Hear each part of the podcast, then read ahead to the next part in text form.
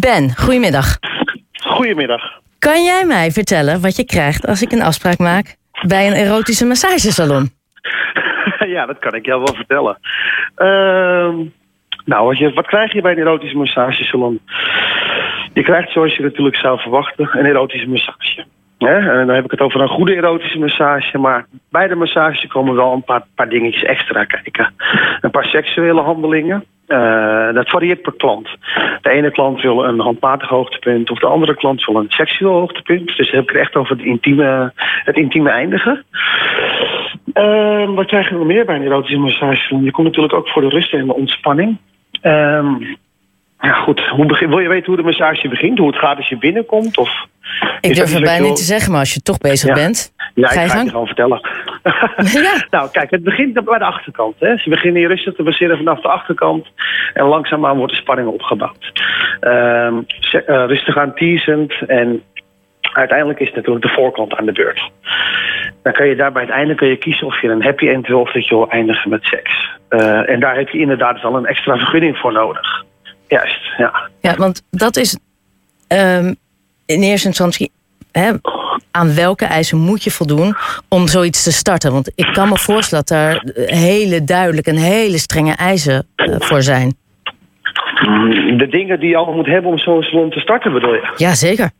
Oh, nou, daar kan ik je wel twee interviews mee vullen. Maar laat ik gewoon met de belangrijke punten beginnen. Als allereerst heb je natuurlijk de gemeentelijke vergunningen. Zonder die vergunning mag je eigenlijk helemaal niks. En dus dat is wat er wel steeds meer gebeurt. Hè. Dat zien we om ons heen. Uh, je hebt een exploitatie-seksvergunning nodig. De GGD moet je komen keuren. De Belastingdienst speelt een hele grote rol. Ja, goed. Uh, ja, heb je nog meer nodig? Eigenlijk, eigenlijk moet je gewoon aan alle eisen voldoen. Brandweercontroles, belasting, GGD, uh, de gemeente.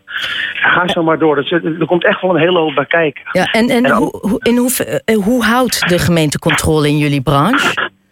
Zodat je nou, geen nou, wildgroei krijgt?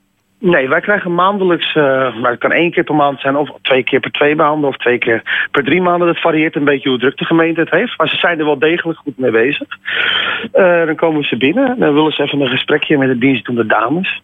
En ik ben blij dat ze dat doen hoor, want daarmee kun je filteren of dames uh, vrijwillig aan het werk zijn, laat ik het zo zeggen. Hè? Kijk, ja. de gemeente die, die houdt daar streng toezicht op bij ons, maar niet bij de illegale salons.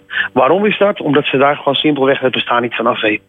Dus wat krijg je? Dat wordt één grote ophoping van fraude, belastingontduiking, illegale dames, gedwongen prostitutie. Nou, ik kan je een hele lijst opnoemen met dingen waar je niet vrolijk van wordt als je daar... Ook als klant zijn er niet naar binnen, naar binnen gaat. Is daar gewoon ook niet veilig. Ja. Uh, en, en, wij als legale bedrijven, ja, die worden toch wel heel erg opgecheckt. En daar staan we ook volledig achter hoor, als bedrijf. Het is heel belangrijk dat dat allemaal goed gemonitord wordt.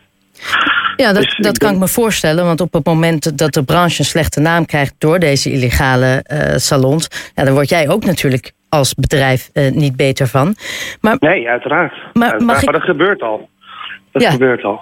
Um, mag ik een andere vraag stellen? Uh, gewoon vanuit mijn perspectief. Oh, ja. Zoals jij het omschrijft, klinkt een erotische massagesalon bijna hetzelfde als prostitutie. Wat, maar dan met een andere naam. Help ja, mij. Ja, ik, ja, ik ben het met je eens en ik snap het.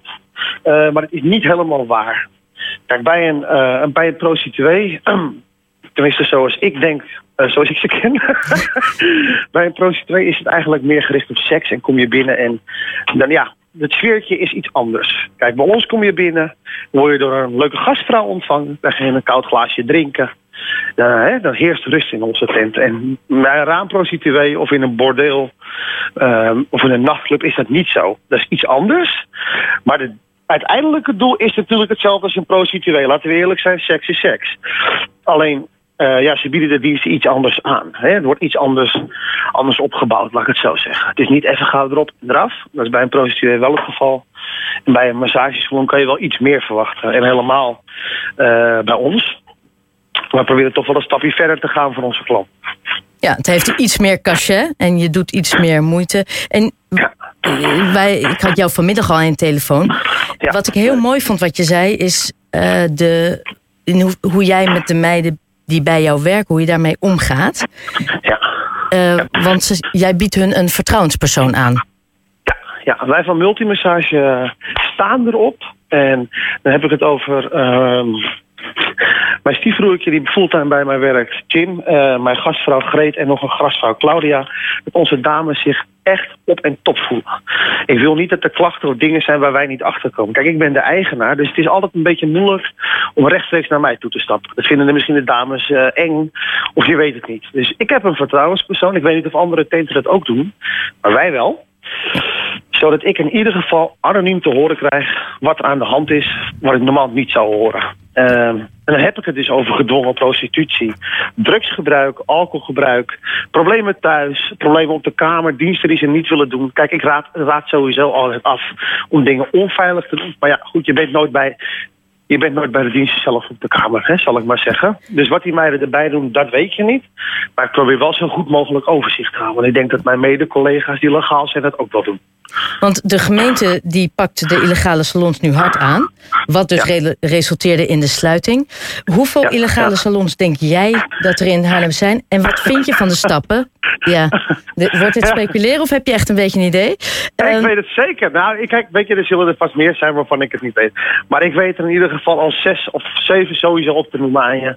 Ga ik niet doen. Nee. Ik, maar ik kan er al zeven zo aanwijzen die illegale handelingen verrichten in hun salon. En dan heb ik het ook nog over Nou, seksuele handelingen, we, we hebben drugsverkoop. zo meteen de burger, eh, we hebben zo meteen de burgemeester aan telefoon. Die eh, wil Ja. vast graag weten welke salons jij dan eh, in gedachten hebt. Ik, eh, Ja, dat dacht ik ik wissel even de nummers zo uit. Ehm, maar even terugkomend op de burgemeester en de gemeente. Wat vind jij van de stappen die zij nu ondernemen? Geweldig. Een dikke pluim voor de Belastingdienst en voor de gemeente. Kijk, met die samenwerking die hun hebben gedaan... sorry hoor. Kunnen ze gewoon dit soort tenten gewoon kei- keihard aanpakken. Kijk, wij, wij als salon, eh, en dan praat ik over de legale salons, die betalen ons scheel aan belasting. Subsidies, ga zo maar door. En die tenten, punt 1, dat ze geen belastingafdracht doen. Punt 2, het is daar gewoon helemaal niet hygiënisch. Ik had je ook vanmiddag verteld hoe ze dat vinden bij zo'n salon. Ja, Hè, hoe ze, hoe ze, ja. ik Ja, ben bijna blij dat we richting het journaal gaan. Dus dan kunnen we dat gewoon in één woord samenvatten. Er zijn spermahonden bij de politie. zijn spermahonden. Dus ja. dat eh, hebben we gelijk gecoverd. Eh, ben, mag ik jou heel erg bedanken voor Ja, alle informatie. Zeker. zoals ik al zei, om tien over zes bel ik met de burgemeester. Ik ben heel benieuwd wat zijn reactie is hierop, maar ook hun aanpak. Ja, ik ook. Nou, heel veel succes. Wil jij, mij, wil jij wat doorgeven aan de burgemeester van ons uit? Nou, dat hij misschien een keer bij multimassage moet komen kijken... en dan kan hij, kan hij zien hoe het een beetje echt gaat. ik ga hier gewoon ja en amen op zeggen. Ja, doe dat. Hey, Stuur hem Ben. maar een keer langs voor een bakje koffie. Ja, dankjewel. Nou, het, het wordt steeds mooier. Ben, dankjewel. En Ja, wij spreken. en een fijne dag. Jij ook. Doeg. Doei.